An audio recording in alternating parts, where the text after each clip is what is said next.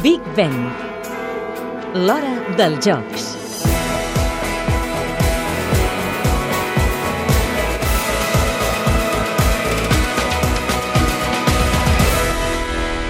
La meva història comença el 2003, quan vaig ser voluntari dels Jocs Panamericans de Santo Domingo, i bueno, després vaig acabar enviant una sol·licitud per ser becari al Comitè Olímpic Internacional, la van acceptar, vaig estar allà un any i mig, i després de Suïssa, d'estar a la- a Lausana, a la seu del Comitè Olímpic Internacional, doncs vaig anar cap a, cap a Rio de Janeiro als Jocs Panamericans, on també vaig estar un any i mig treballant allí.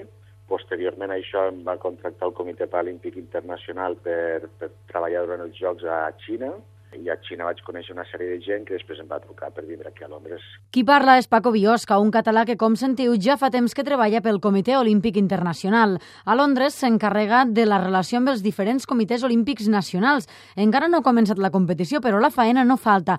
En què consisteix realment? Intentant resoldre un, un problema de logística del Comitè Paralímpic de Cuba per portar les armes a Londres, perquè el seu atleta de la competició de tir pugui competir. Bueno, sempre és estar en contacte amb els països i amb els diferents departaments del comitè organitzador i fer una mica d'intermediari entre les, totes les, tot el, tots els departaments, no?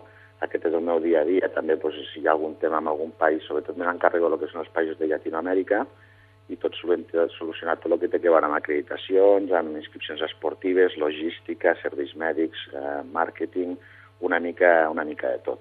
Paco Biosca ja té experiència olímpica perquè va treballar ara fa 4 anys en Pequín, però ell no és l'únic català que treballa per al comitè organitzador dels Jocs de Londres 2012. Entre altres, hi ha també Ramon Boixaderas, Sergi Raventós, Maria Canovas o Antoni Jorba.